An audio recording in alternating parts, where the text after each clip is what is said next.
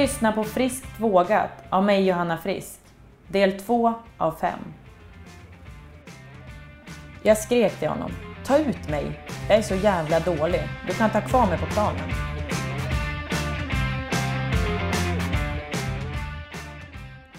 Jag har alltid tyckt om att sporta. Egentligen har det inte spelat så stor roll vilken sport det gällt. Utan jag tycker överlag om de flesta idrotter. Jag har en talang för det, men har sällan varit bäst från början. Utan det har krävts en hel del träning för att bli riktigt bra. Sen är idrotten direkt knuten till tävling. Och det älskar jag.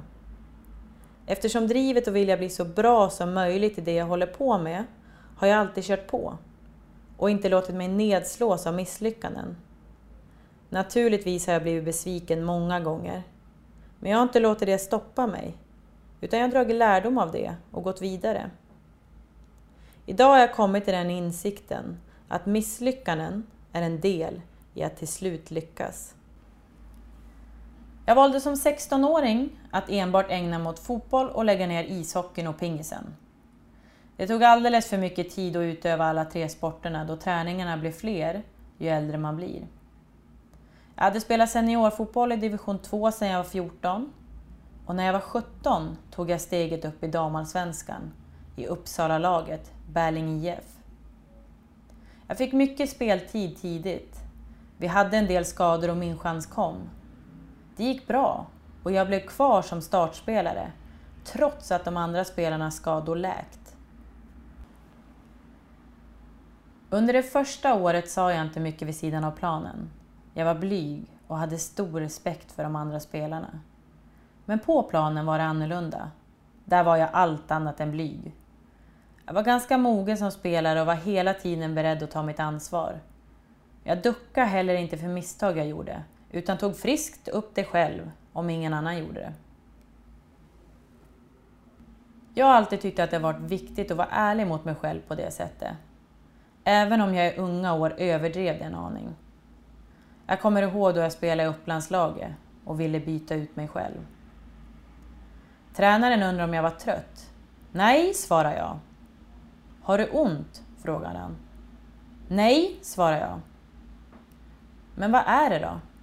Jag skrek till honom. Ta ut mig!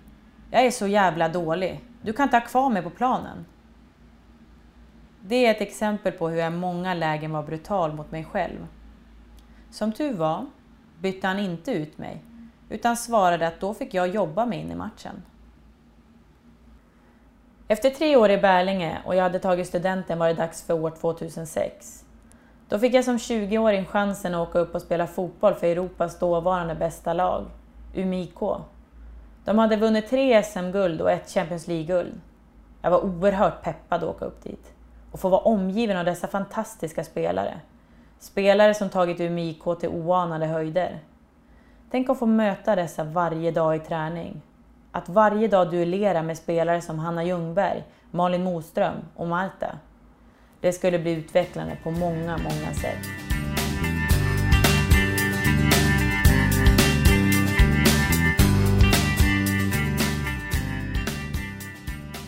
Allt kändes fantastiskt fram till den dagen då vi hade fystester och första löppasset.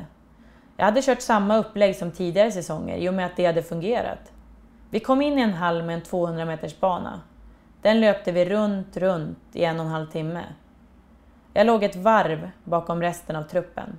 Ni kan ju tänka er, när laget hade sprungit klart hade jag ett varv kvar.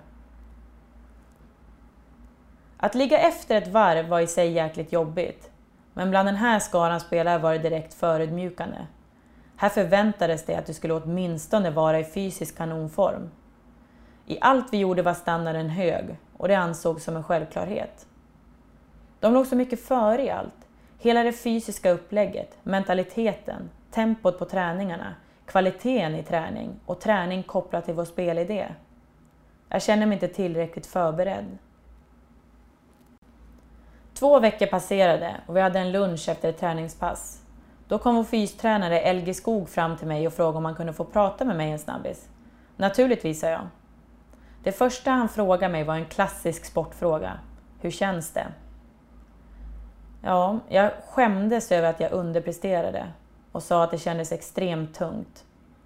Sen frågade han mig, vad vill du uppnå? Vad är ditt mål? A-landslaget var ett långsiktigt mål, men jag ville främst ta en startplats här i Umeå Därefter tydliggjorde LG tre saker för mig. Han förklarade varför. Han förklarade varför klubben blivit bäst i Europa. Han berättade varför fysen varit en av de avgörande faktorerna till att man blivit det.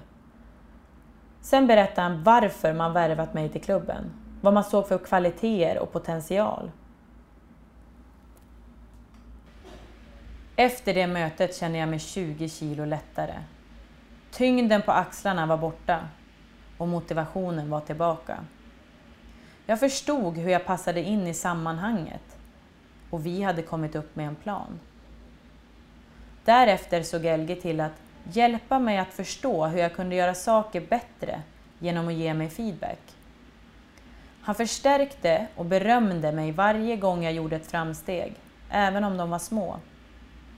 Han tydliggjorde också de gångerna då det blev fel.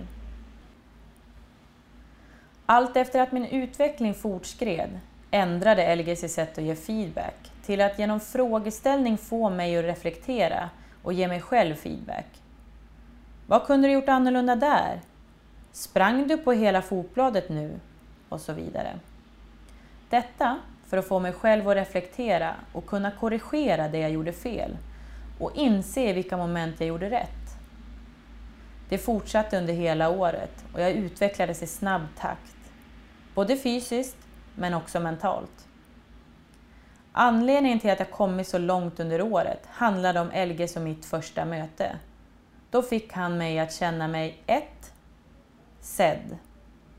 Han visade ett genuint intresse och frågade mig hur det kändes. 2.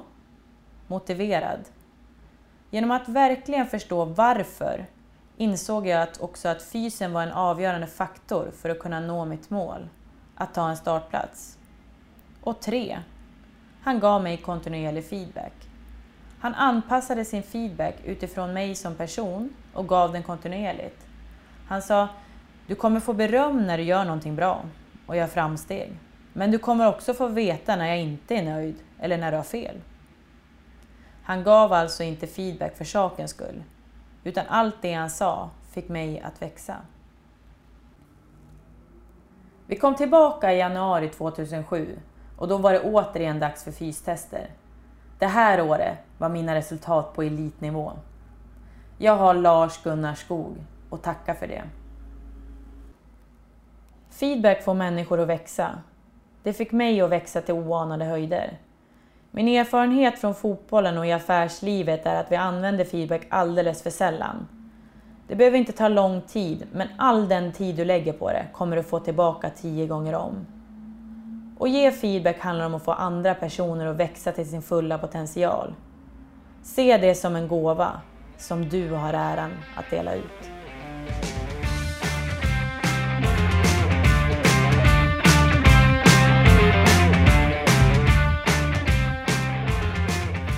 Tack för att du har delat mina upplevelser den här veckan.